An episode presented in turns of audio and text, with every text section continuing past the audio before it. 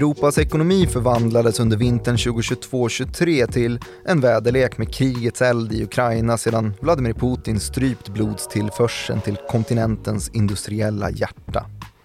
Tillgången till den lagrade gas som inte bara fått hjulen att snurra i den dynamo som är den tyska verkstadsindustrin utan också värmt upp hushållen i typ hela den europeiska kontinenten blev den viktigaste faktorn för att undvika kollaps. Och livlinan, det var hoppet om att vädrets makter skulle upprepa sin historik av att hålla på de försvarandes sida. De som trycktes ner den här gången var inte Karl XIIs karoliner, Napoleons Le Grand Armé eller tyska nazister utan ryssar. När våren så sakteligen nalkades stod det också klart att varje vintern uteblivit och lagren skulle räcka. Fru Fortuna hade räddat Europa från en härdsmälta och gaspriserna sjönk som en sten tillbaka mot nivåer som rådde innan Rysslands invasion från de rekordnivåer som noterats här under hösten. Men betydde värmeböljan över Europa där tyskar kunde fira nyår i shorts att krisen var över? Eller kommer gaslarmet och nio att ljuda i ett betydligt längre slag än det som utkämpats hittills? Där demokratiernas fort blir så försvagat att diktaturerna ånyo kan börja frossa i spåren av nästa eurokris. Det här det är Follow the Money, en podcast om makt, storfinans och börsen av och med Nyhetsbyrån Direkts utrikeschef Joakim Rönning och IGs marknadsanalytiker som pratar nu, Martin Nilsson. Hej Joakim! Hallå där! Hur, eh, hur mår du idag? Jag tycker vi ska fokusera istället på hur du mår i din privatekonomi. Precis innan du inledde ditt introanförande här så berättade du för mig att du har gått bananas på att köpa nya strumpor. Ja. Det känns inte så jävla lågkonjunktur. Nej. Nej. För det är ju någonting som alla räknar med ska ske nu, att det ska bli lågkonjunktur överallt.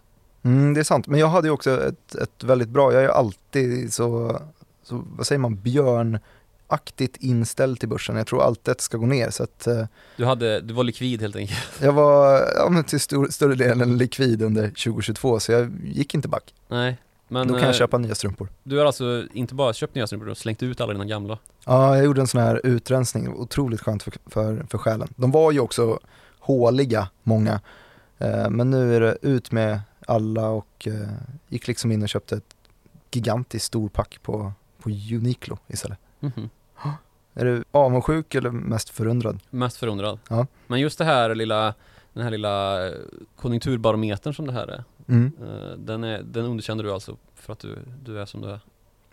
Jo men än så länge så har vi inte sett att recessionen verkligen tagit fäste. Jag har ju till exempel jobb kvar ja. Eh, och det gör ju att jag kan konsumera.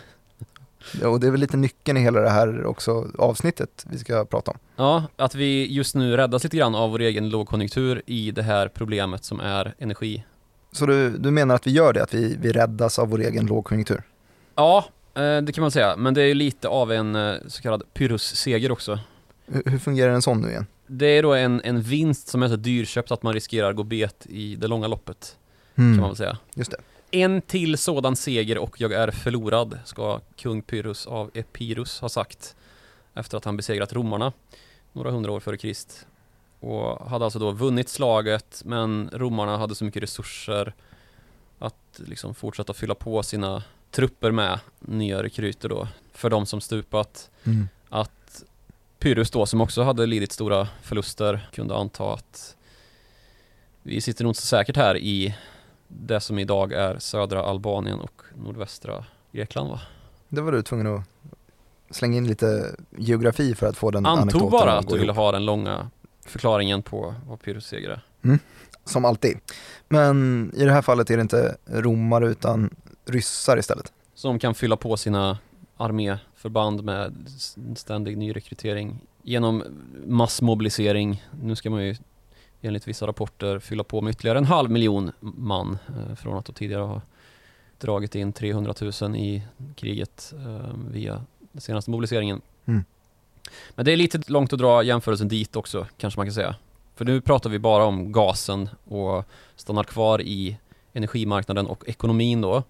Och där är ju förhållandet omvänt kan man väl säga. För Europa har ju tagit förluster på att rädda och förstatliga energibolag och köpa in gas från alternativa leverantörer för hundratals miljarder euro här senaste halvåret, året. Men Rysslands förlust på de gasledningar som inte längre transporterar någon gas till köpare är ju i det långa loppet större. Just det, så det är, det är Putin som är Pyrrhus i det här fallet då som först utropar seger i att nu klämmer jag åt Europa Ja, så att de inte kan köpa våra, våra saker. Ja. Men i det långa loppet så får ju de i- förstörda handelsrelationer. Ja, alltså särskilt då ett land som är så fattigt på andra saker att sälja, ja, alltså bortom sina råvaror, så är det ju rätt tufft att inte kunna sälja några råvaror till sin största kund, bara för att man gör på det här viset. Så helt enkelt verkar det ju som att Putin hade underskattat västs förmåga att mobilisera motstånd då till en demokratifientlig makt i öst. Det hade väl nästan alla underskattat också. Ja, det verkar nästan det så. var ju det här Ukraina-Kiev faller på tre dagar. Ja, Fem kanske. precis. Och att man då helt enkelt tagit för lång tid på sig att inse hotet och inte byggt upp någon militär försvarsförmåga i varken eh, Tyskland eller något annat stort europeiskt land. För att inte tala om Sverige, vilket man ju nu då får lida för när man kommer på efterkälken i den militära upprustningen som ju nu måste ske då. Mm. Och man kan väl här säga att den kostnad vi nu får betala är en alternativkostnad i sin rätta bemärkelse. Ja. Kan inte du förklara alternativkostnad, du som är nationalekonom? Ehm, Alternativkostnad är väl egentligen kostnaden för det andra alternativet under devisen att det inte finns några gratisluncher. Ja, precis. Även om du väljer en vinnande lösning för dig själv, alltså du måste ju välja någonting i vissa scenarion, så finns det alltid alternativ och de kan ju vara bättre eh, i det långa loppet.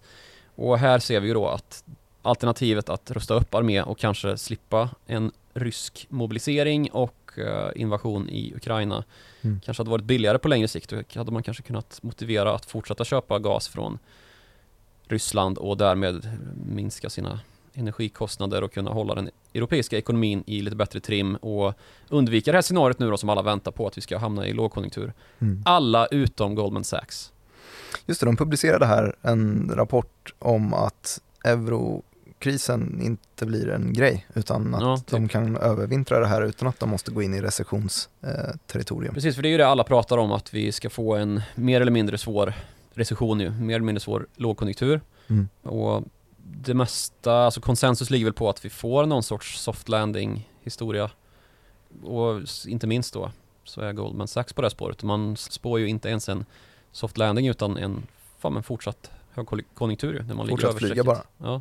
Ja, annars tycker jag att det, blir lite av en, en paradox att man skulle kunna gå ner för landning men behålla konjunkturen. Det, det håller liksom inte. Alltså, då blir det snarare någon form av diskussion om var lågkonjunkturen slutar och recessionen börjar och, och var man drar den linjen egentligen. För alla är ju med på att den, det är klart att tempot i ekonomin går ner när räntor går upp. Mm. Eh, arbetslöshet stiger, Det är som den här goa. Fed pivot diskussionen som du inte gillar. Ja, exakt. Det är, det är precis samma typ av, av grej faktiskt. Det är, det är en märklig metadiskussion om att en Fed pivot skulle kunna vara en grej. Och vad är Fed pivot då som vi kan förtydliga lite grann? Jo, men Fed pivot skulle ju då eh, vara den här idén om att det finns en punkt någonstans där vändningen sker, alltså att man går från en åtstramande ekonomi till en mindre åtstramande och en, till slut en lättande penningpolitisk linje. Men om en centralbank lyckas vända en ekonomi så går det inte att peka på någon specifik punkt när det här skedde. Det är klart att du kan peka på en, på en graf och säga här var inflationen högst eller här toppade räntorna. Men hela deras arbete är ju att skicka ut signalvärde så att den här kurvan blir så mjuk och långsam som möjligt så att det inte finns en specifik eh, pivotpunkt. Metanördigt. Metanördigt.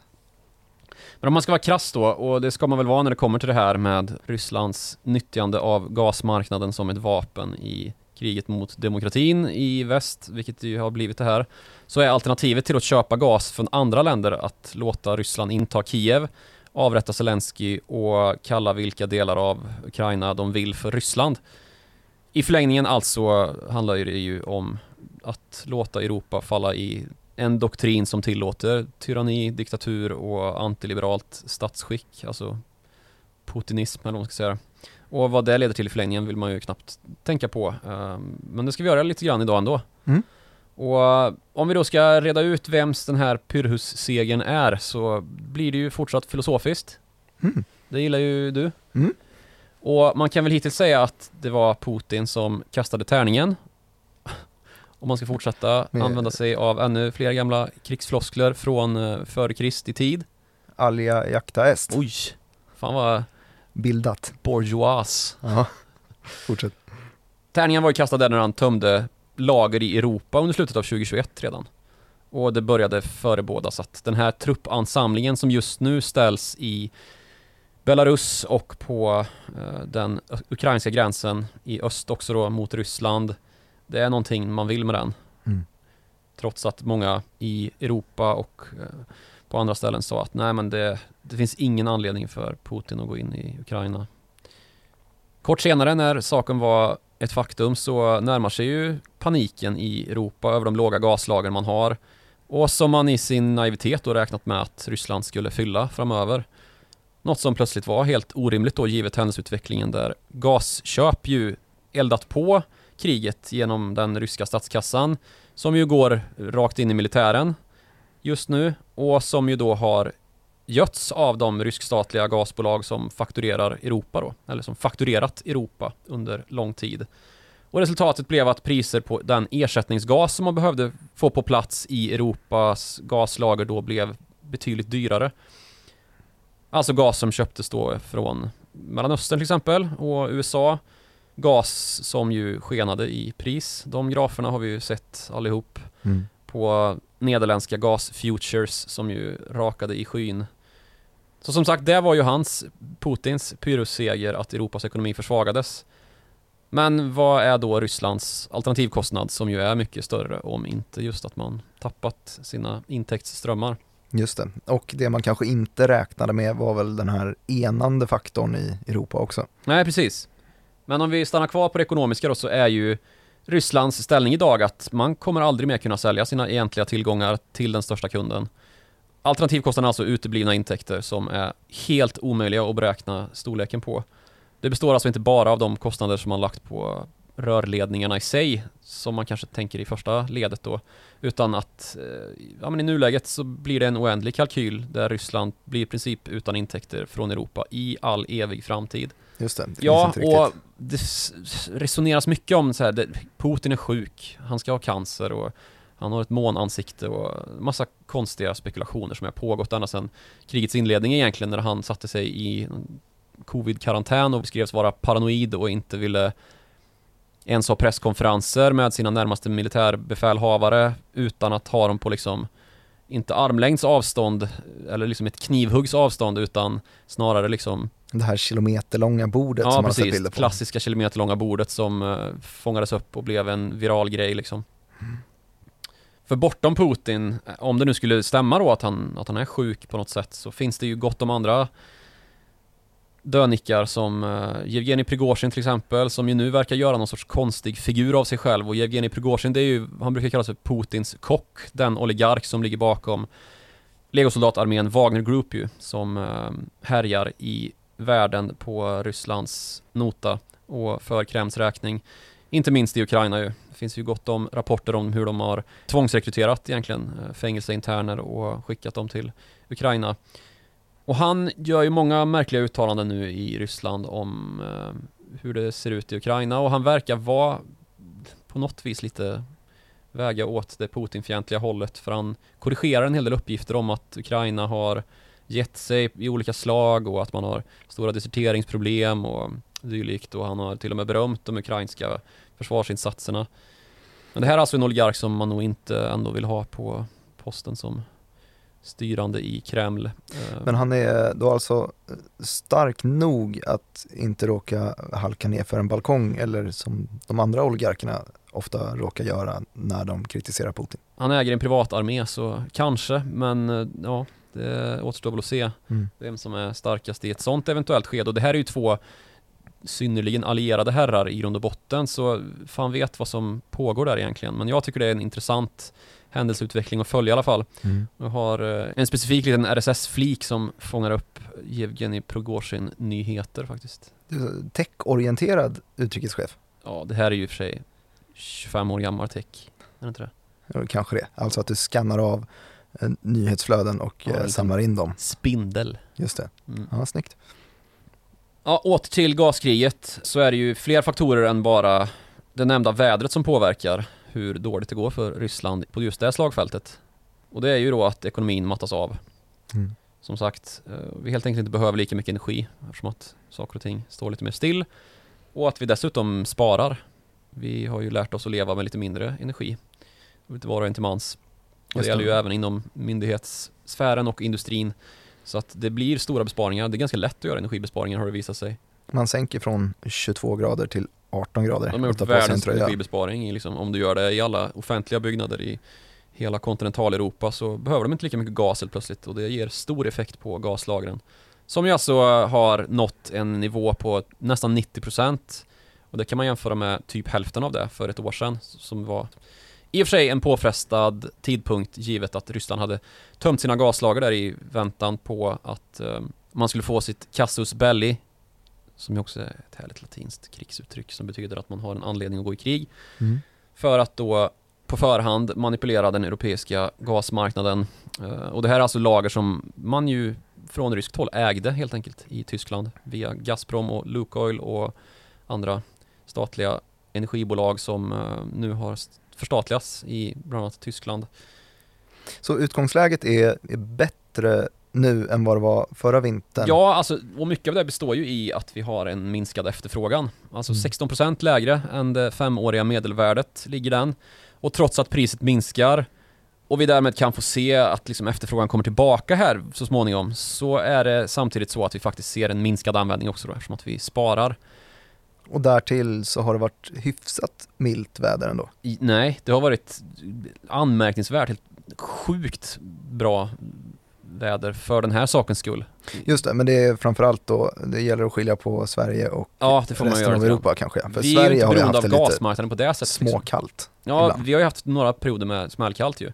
Men vi påverkas ju inte av det på samma sätt som Europa gör, som att vi inte använder gas för vår uppvärmning och inte har samma industriella behov heller.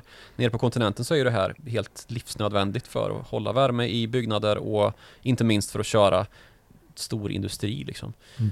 Ehm, så om Ryssland gjorde som man brukar göra, alltså förlita sig på vargavintern som ju du nämnde här i introt att eh, man gjorde mot såväl Karl XII som Napoleon och sedermera Hitler, där man ju faktiskt blev premierad för att försvara sig och eh, invänta krass, karg vinterkyla så eh, har det ju slagit tillbaka i den här gången de försvarandes riktning också. För på den tiden så var det ju Ryssland just försvarande sida. Än så länge i alla fall. Än så länge i alla fall, ja. Det är ju januari och det kan vara kallt både i februari och mars. Ja, men vi klarar också. den här vintern alltså. Jag vill jag säga det. Mm. det. Så här höga lager har vi liksom no- normalt inte. Och den här liksom värsta farhågan om att vi ska få det som kallas för rolling blackouts, alltså rullande nedsläckning där olika områden måste liksom stänga ner hela energinätet lokalt för att någon annan ska kunna få sitt energinät att funka. Det, har vi ju, det kommer vi undkomma i Europa, i alla fall den här vintern. Sen så är Mm. frågan om nästa vinter, det ser det väl också ganska bra ut givet att vi har det här ingångsläget då. Särskilt om vi får en fortsatt mild vinter. Men i det långa loppet så finns det ju mer att prata om än att vi hittills då i Europa har blivit förlorare i det att den energi som köpts in för att slå tillbaka mot de åtgärder som Putin vidtog då genom att göra gasledningar till vapen har varit mycket dyrare än om vi hade fått köpa den direkt från Ryssland då enligt vad vi hade planerat Mm. via gasledningar som Nord Stream och Turkstream och allt vad de heter. Mm. Men vi valde helt enkelt att bevara demokratin, stå upp för den och stå emot tyranni och barbari istället, vilket väl känns fint. Så här när Ryssland ju faktiskt går mot stryk i sitt eget anfallskrig. För det, det gör de ju faktiskt. Mm. Eller i alla fall att man kan nog dra den slutsatsen att efter Ukrainas framgångsrika motoffensiv här som har skett under hösten så kommer ju Ryssland i alla fall få väldigt svårt att ställa sig som någon sorts vinnare i slutskedet här. Sen ska man väl alltid ha respekt för krigets dimma. Alltså där man inte vet eh, än. Ja, så är det ju. Och eh, någonting som också tåls att, att nämna där är ju att det har ju inte varit utan, utan kostnad. Alltså Europa och hela västvärlden har ju blödit av det här. Det är ju inte starka ekonomier som vi ser just nu, utan det är ju just det här att man blir chockad när man läser att Goldman Sachs på att nej, men det kanske inte blir en, en tvättäkta recession. Mm. Eh, och det ser ju ganska dystert ut. Det kanske bara blir en rejäl nödinbromsning. Ja, kanske bara en, en rejäl nödinbromsning, absolut. Men det är ekonomier som inte står pall för särskilt många svarta svanar om det skulle dyka upp sådana som man aldrig kan ta höjd för. Du och dina svarta fågeldjur. Jo, jo men sådana dyker ju upp då och då. Ja. Eh, och vi står ju sämre rustade för att klara någon sån än vi har gjort ja, på väldigt länge. Men liksom oavsett det faktiska kriget då, om vi återgår till just gasen och gaskriget och försöker liksom utse någon sorts vinnare då i saken utifrån att det snart, säger vi nu då, bryter ut en inflations och räntehöjnings påeldad lågkonjunktur som konsekvens även i hårddata då, att Goldman Sachs som vanligt har fel. Så har ju naturligtvis höga energipriser varit en viktig komponent i en sån lågkonjunktur, om mm. den nu bryter ut då. Mm. Så, men trots det så är det ju långt ifrån sant att det är Ryssland som på egen hand har försänkt Europa i lågkonjunktur via energimarknaden. Nej, det går nog verkligen att argumentera för att man har, man har byggt upp det här ganska bra med en kreditbubbla redan innan. Ja, dels det, men sen så liksom mer aktuellt vad som faktiskt kom att liksom spräcka den bubblan är ju pandemin och den otakt som kom sig därav. Mm. Det är ju den viktigaste faktorn. Och nu har vi också Kina som en klar osäkerhetsfaktor när man öppnar upp kort efter att stora störningar drabbat tillverkningsindustrin under den här nolltoleranspolitikens sista dagar. Vilket ju kanske blev liksom dödsstöten för den politiken. Men den ser ju ut att klara sig hyfsat bra. Jag hade i alla fall förväntat mig att vi hade fått fler negativa nyheter om det än så länge. Eh, just nu... Men vi vet ju ingenting heller. Det är Nej. ju supersvårt att täcka det här. Mer än att bara, det ser inget bra ut. New York Times hade ett svep i, ja, här i dagarna om hur det ser ut i Shanghai och det är inga kul bilder alltså. Men det är ju omöjligt att bevaka. Nej, det är inga kul bilder, men det är i alla fall inte någon stor WHO-varning om en ny mutation än i alla fall. Än, ja. Fan vet. Kina är ju inte bra på att publicera sina ja, fakta. Nej, de har ju slut, och, slutat att redovisa smittotal och ja, eh, det har varit... det gick inte skitbra i början av pandemin och få koll på läget eh, för WHO själva ens ju. Nej. Det är ju saker vi inte får glömma bort. Men när det kommer till de här mutationsriskerna nu då. Och allt annat lika så Xi Jinping har ju inte liksom stärkt sin ställning på något sätt. Ekonomin har kraschat. Fastighets och techbranschen plågas svårt just nu. Han blev förvisso omvald, eller vad man ska kalla det, när det handlar om en kommunistpartistisk kongress som ordförande då på livstid och är ju nu skickad att kunna fatta jävligt tuffa beslut som ju detta har varit. Mm. Men hans popularitet är ju inte bättre direkt. Det har inte varit ett lätt år för någon diktator. Vi har haft ett eh, riktigt katastrofalt år för Vladimir Putin. Mm. Det, det, är väl... Eh... Du verkar nästan lite upprörd.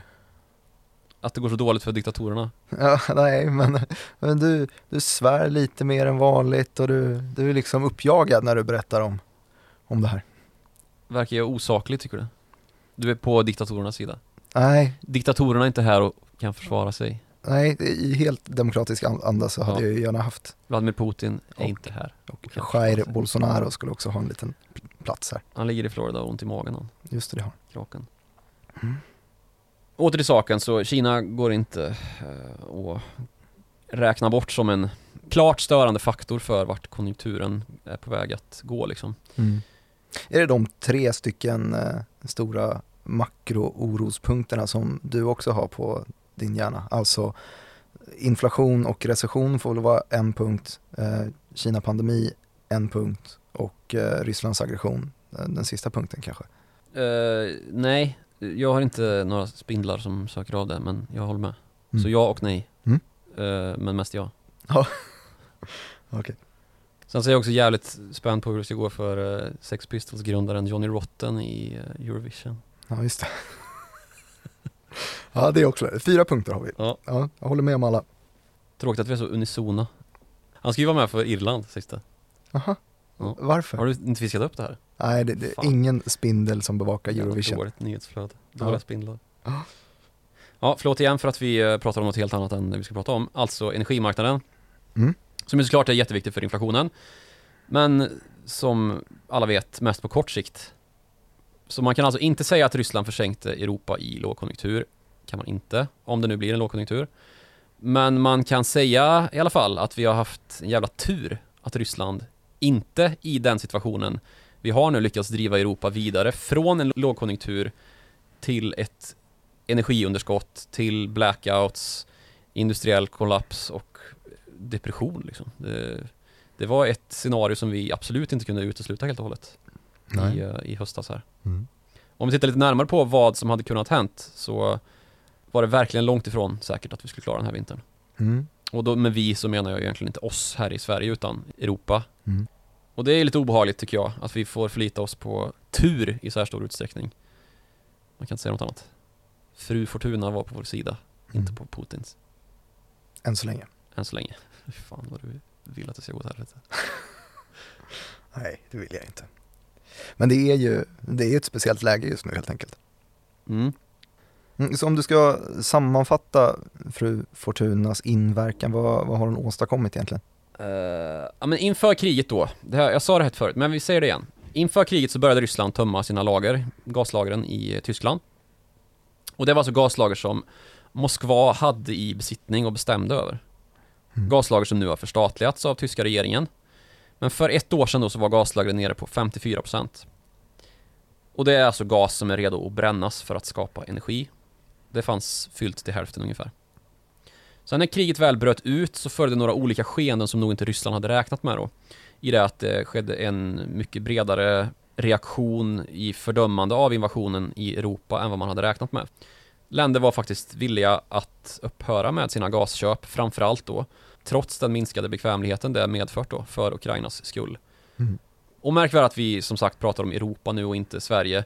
Där vi också haft nedläggning av kritisk infrastruktur under lång tid och försvagat vårt eget energinäts styrka. Vi är egentligen mer än självförsörjande på elektricitet och behöver ingen gas i grund och botten. Och så har vi ju oljekraftverket i Karlshamn som bränner Mm. 14 000 liter i minuten. Är det så mycket? Nej, jag vet inte. Det är mycket. Ja. Och det är inte grönt. Hur som helst, utöver att det visat sig finnas en eh, liksom man ur huse för Ukraina mentalitet i Europa så fanns det också alternativa lösningar. Att eh, köpa gas från LNG-leverantörer, alltså liquefied natural gas. Sånt som kommer på stora fartyg. Sånt som kommer på båt från eh, Mellanöstern och USA först och främst. Mm. Snarare än eh, rysk rörledd gas då som pumpas in i Europa. Det hade nog inte Ryssland riktigt räknat med att det skulle gå att ersätta. Så där var ytterligare en felkalkyl då som eh, nu har visat sig. Och det är ganska svårt att räkna ut vad som har påverkat mest här. Men man kan dra slutsatsen att kombinationspåverkan har varit ganska så optimal för Europa och ganska så, vad är motsatsen? Minimalt optimal för Putin. Suboptimal kanske. Säger man så? Ja. Optimal. Och så vädret då? Och så vädret ja. Det, men jag vet skitsvårt att räkna ut liksom hur Men det Mitt känns- i all den här liksom besparingsivern Man har importerat gas från nya leverantörer i världen Och mitt i allt så har eh, Det varit liksom kortbyxvarmt i Tyskland på nyårsafton Vilket Mm. inte brukar vara Mm. Ja, svår kalkyl. Jag har inte gjort den Men ja, Fru Fortuna har gjort det. Fru Fortuna har bidragit starkt Som man brukar säga när man inte orkar räkna ut kvantiteter på effekter Så det är, det är lite oklart om Europa är Pyrrhus segrare, men det är i alla fall solklart att Ryssland är förloraren, Ja, det kan man säga. sammanfattningsvis. Ja, och sen så kan man ju gå vidare i sin, sitt resonemang och fundera över hur påverkar det i Europa då att vara en eventuell Pyrrhus-segrare som försvagas av ändå att eh, behöva köpa klart dyrare energi och göra den här omställningen med Mm. pengar som man hade kunnat använda till mycket annat som hade varit mer uppbyggligt för kontinenten än att eh, köpa gas från Mellanöstern. Mm. Ja, det är väl någonting som, som framtiden får, får utvisa också. För det känns ju alltid som att det kommer vara ett kritiskt läge några månader framåt. Men i det här fallet så känns det som att det är än mer så än, än vanligt. Vi har ju det här läget med att en, en recession eller en svagare konjunktur står för dörren beroende på om man tror på Goldman Sachs eller övriga. Var det inte det? Okej. Tror du på Goldman Sachs? Ska jag inte säga. Oil 200? Tror du på Goldman Sachs? Nej, det har jag aldrig gjort. Nej, men de- har väl någonting där i alla fall. Eh, Men det är i alla fall ett, ett speciellt läge i det att vi kommer ha en, en ganska kritisk punkt i, i mars. För det är mycket som, som faller på plats där och då. I mars säger du? Mm, just det, att eh, vi kan ju börja i, i Fru Fortunas del av det hela, eller meteorologernas i alla fall, och det är ju vädret. Att eh, när vi har kommit ut ur mars så har vi i alla fall kommit förbi den punkt som skulle kunna vara eh, vidrigast. Det skulle kunna bli rejält kallt nu och eh, vara det fram tills dess ungefär. Det brukar inte vara vidrigt kallt efter mars menar du? Eller typ i mars? Ja, det är då de, de värsta kölddagarna brukar ligga bakom oss i alla fall och det är då vi kan stämma av med gaslagren och se hur det har Ja, hur mycket behöver vi köpa in till nästa vinter nu typ? lite så. Mm. Det här sammanfaller också ganska tydligt med eh, när vi får eh, tydligare jämförelsetal på årsbasis vad gäller inflationen som har varit allas fokus på senaste. Det här är alltså då ett år efter krigsutbrottet när vi kan mäta i, eh, i mars. Eh, krigsutbrottet är ju alltså i slutet av februari Mm. och det är också ganska väl sammanfallande med när prognoserna tar en ganska tydlig vändning. Alltså centralbankerna har ju stakat ut med streckade linjer hur de tror att inflationen kommer gå framöver. Mm. Och här ser vi ett ras.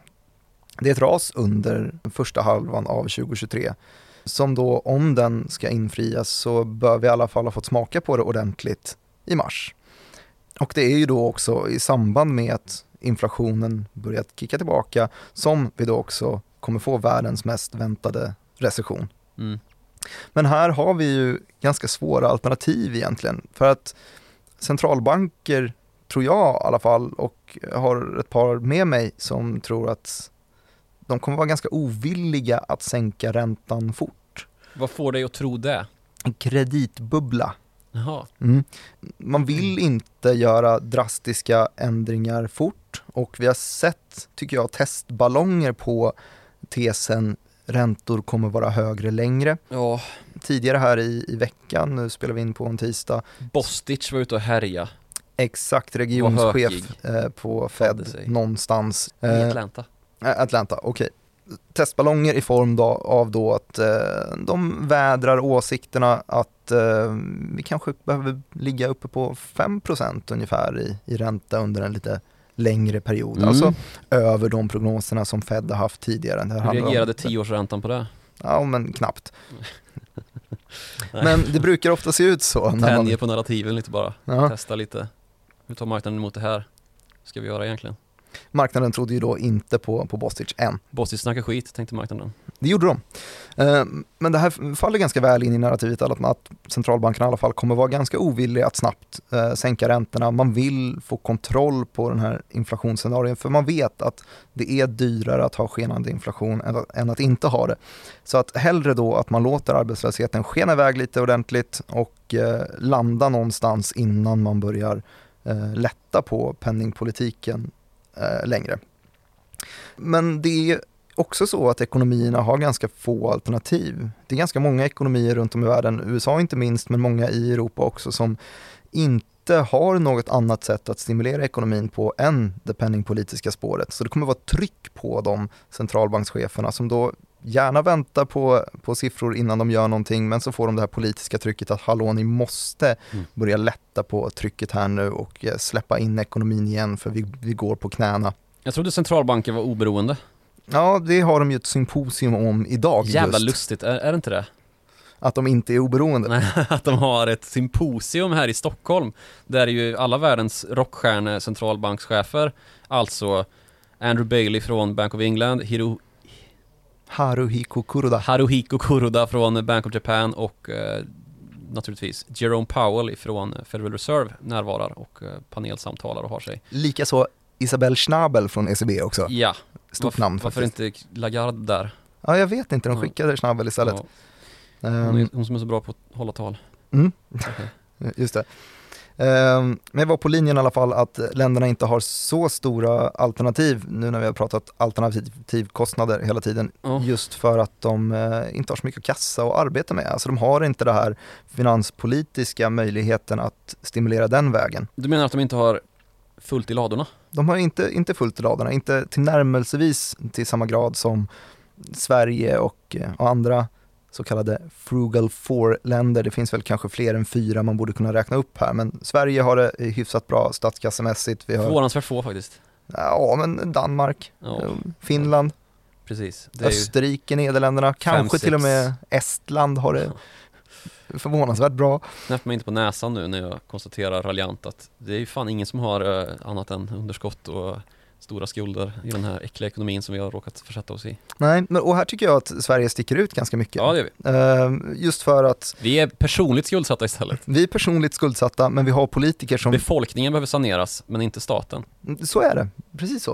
Eh, Men vi har också politiker som väldigt gärna vill genomföra reformer men som har fått eh, sitta på händerna eh, efter att Stefan Ingves när han ledde centralbanken satt i finansutskottet och sa att eh, ni får banne mig göra det eh, Mm. för att vi måste ta hand om inflationen här nu. Om ni håller på att trycka igenom massa stora finanspolitiska expansionsplaner så finns det risk att eh, inflationen tar skada igen. Eh, Ja. tidigt där så var det ju amorteringskravet som debatterades. Det kanske inte är det första som tas upp efter Erik Thedéen nu som leder eh, centralbanken. Varför Som, inte det? ja, men för att han har suttit på Finansinspektionen och sett bostadsskit eh, under många år. Sjukt om det vore det första han gjorde och bara gick in och sprängde hushållsbubblan, Ja, exakt. bomarknaden. Det, det vill man ju inte göra om man är Erik Thedéen. Eh, men det som vi också sett under många år är ju att eh, centralbanken, Riksbanken har varit väldigt tydlig med att de vill gärna föra över en del av ansvaret på finanspolitiken istället. Man vill inte att det bara är centralbanken som styr hur ekonomin mår utan dela på ansvaret lite grann just för att när en centralbank stimulerar så är det brett. Det är hela ekonomin, man höjer eller sänker en ränta och påverkar allting det kanske inte är så att allting behöver påverkas utan man kan ha lite mer specifika ingripanden i ekonomin istället. Och då får vi ju såklart lita oss på det finanspolitiska istället. Och det leder mig till tanken att eh, nu när vi snackar Europa att Europa kommer vara tvungen att agera på, från centralpolitiskt håll och lätta på eh, penningpolitiken tidigare än de länder som har sundare kassor. Vilka, ja det låter ju inget bra. Ja, det kanske är relativt bra för, för Sverige för att det, Jo för Sverige ja, men om jag, jag pratar som eh, kontinental-europé. Ja, som kontinentaleuropé så är det problematiskt, absolut. För att då snackar vi då att vi får en eh, potentiell euroförsvagning när man måste eh, stimuleras från centralpolitiskt håll medan Sverige kanske kan ligga kvar på högre räntor lite, lite längre men stimulera från finanspolitiskt håll istället. Kronan stärker sig mot euron, euron eh, tappar gentemot de flesta valutor och eh, det blir köpläge för Kina att köpa fler hamnar eller var man nu vill hamna. Vi kan släppa iväg lite, lite mer kritisk infrastruktur till någon schysst diktatur där ute. Ja. Som har lite starkare valuta helt plötsligt. Och hela den här rörelsen egentligen, eh, den kokar ju ner till vad som händer i mars. Får vi en, en inflationsutveckling i linje med vad centralbanken har förutspått med en eh, skenande arbetslöshet och eh, en riktig lågkonjunktur som vi behöver stimulera oss ut ur eller kommer vi klara oss bättre? Kommer det bli en mjuklandning eller ens bara att flygplanen går ner på lite lägre höjd? Det får vi se i mars. Ja. Och i det långa loppet så är det det som avgör om vi får nästa eurokris. Ja. Mm. Och om vi får nästa eurokris då blir det Europa till ett litet köttstycke som eh, alla kapitalstarka diktaturer sliter i. Ja, Har du några exempel på bra kapitalstarka diktaturer? Ja, men det finns ju en som just nu håller på att ta sig ut ur någon form av pandemibubbla. De heter Kina Okej. eh, och de eh, brukar i alla fall historiskt sett vara lite sugna på att köpa in sig i ekonomier som krisar. Ja.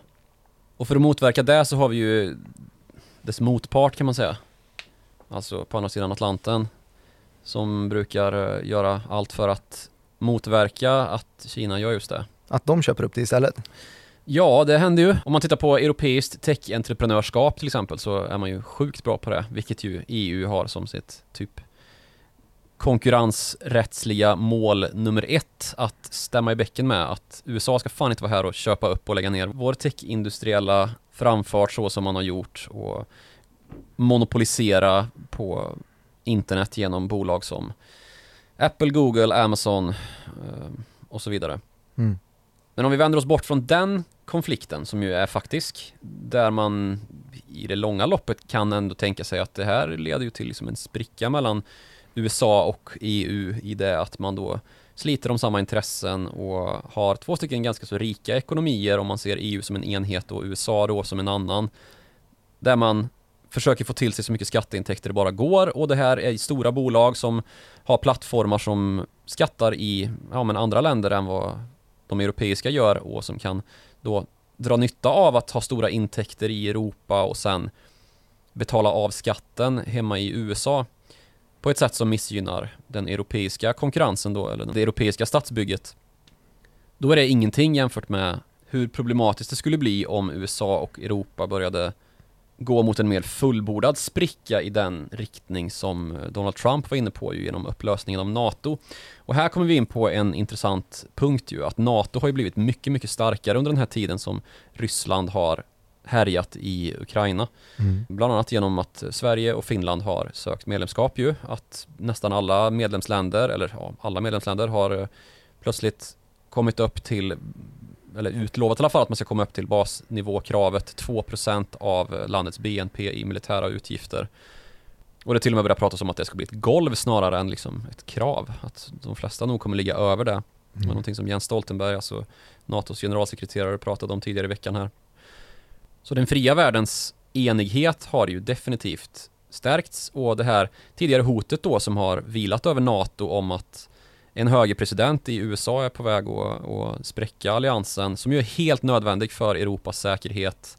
Det har ju falnat ganska rejält. Istället så bråkar man om Inflation Reduction Act, alltså det här också konkurrensvidriga anser EU, amerikanska lagpaketet om att eh, Ja, hur funkar det? Nej men att, att man ska då gynna vissa sektorer och de som tillverkar saker i USA helt enkelt gentemot saker som är tillverkade i EU. Nu ser det väl ut som att man kommer komma fram till någon sorts kompromiss här vad det lider. Men det är ju sådana här grejer som alltid Europa och eh, USA träter om, Mm.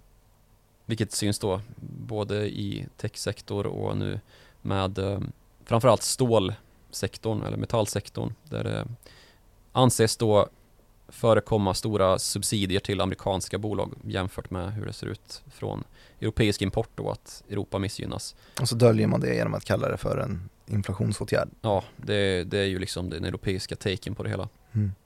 För den här alliansen mellan Europa och USA den är livsnödvändig om det ska bli en till eurokris för då behöver vi verkligen muskler på vår sida och USA är ju fortfarande världens största ekonomi och en mycket mer välbärgad ekonomi än vad Kinas är i den mån att man är rikare helt enkelt.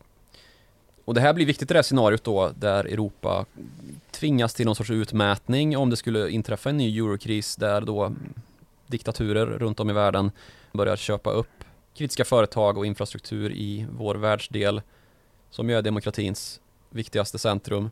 Mm. För då öppnas ju dörren återigen då till tyranniet som vi precis har, eh, om vi extrapolerar den utveckling som ju skett i Ukraina hittills till att Ryssland kommer förlora. För det är ju nämligen så att NATO inte bara har eh, Ryssland som en uttalad fiende som man håller koll på. Man har också ögonen på Kina, vilket man då har definierat att man ska stoppa Kinas framfart eller begränsa den som det är uttryckt. Och var sker den framfarten? Den framfarten sker ju först och främst i eh, Taiwan. Mm. Så det är ju det långa loppets eh, scenario som vi måste väga in här. Och där blir ju övervägandena komplexa eftersom att alla vapen som är tillgängliga för någon annans bruk måste gå till Ukraina i nuläget för att bevara demokratin i Europa. Samtidigt som det är av yttersta vikt att inte bortskänkningen leder till att vi försvagar våra egna militära förmågor, framförallt i amerikansk sak då. Eftersom att USA antas vara det land som behövs för att försvara Taiwan eh, och där ju till och med Joe Biden har visat en eh, ambivalent inställning till huruvida man ska, eller jag vet inte om det är ambivalent att säga att vi kommer försvara Taiwan eh, samtidigt som alla säger att det har vi inte alls bestämt. Mm. För det är ju den så kallade strategiska ambivalensen eller strategiska mångtydigheten eller dubbeltydigheten som gäller i USA-strategi Så det är mot Taiwan då. demens eller testballong. Ja, precis. Det är precis, det är just vad det är, en eh, strategisk eh, tvetydighet. Och det du pratar om är alltså det här att eh, USA har en officiell linje med deras inställning till Taiwan och den är inte eh, att de kommer försvara den militärt medan Precis. eh, Joe Biden har råkat försäga sig Ja, men vid flera fast till- Jag kan inte kalla det tillfällen. för sig, längre, när det är liksom tre gånger i tät följd som man har gjort det. Och sen så har det liksom tagits då. tillbaka eller modererats av Vita husets pressavdelning. Mm. Det kan ju också vara strategi i det liksom, att eh, Kina ska inte tro att man kommer undan med att ta Taiwan liksom. Men kan de det då? Om de, du menar om de skulle vinna ett, ett krig om Taiwan? Mm. Läs faktiskt en eh, simuleringsstudie över eh, det här scenariot ganska nyligen. Ah. Som då har gjorts av en tankesmedja som heter Center for Strategic and International Studies. En amerikansk tankesmedja. Och slutsatsen av deras simuleringar då som har gjorts i, jag tror det var 26 olika scenarioprövningar. Det är att de gör inte det. Kina tar inte Taiwan. Men det är helt beroende då av att USA kommer till Taiwans undsättning. Och om vi går igenom bakgrunden till den här studien så tar man utgångspunkt i ett läge som man kan anta råder, alltså militärstyrkemässigt, under 2026. När man då väntar sig att en invasion ska äga rum. Eller ett invasionsförsök i alla fall. För att de inte ska lyckas ta Taiwan då så, så krävs det alltså att USA ingriper. Men även här då så om det skulle vara ett scenario där, där Center for Strategic and International Studies har rätt att ett sånt här företag misslyckas då 2026 av eh, när Kina försöker ta Taiwan så är ju inte heller det att betrakta som något annat än en pyrrhusseger för både Taiwan och framför allt faktiskt för USAs räkning som då segrande sida. I det att kostnaderna som sagt då, vi pratade om Ukraina, att det är viktigt att inte allt går till eh, att stötta Ukraina i ett nafs liksom, att man försvagar sin egen militär, så skulle ju det här de facto försvaga USAs militär något oerhört.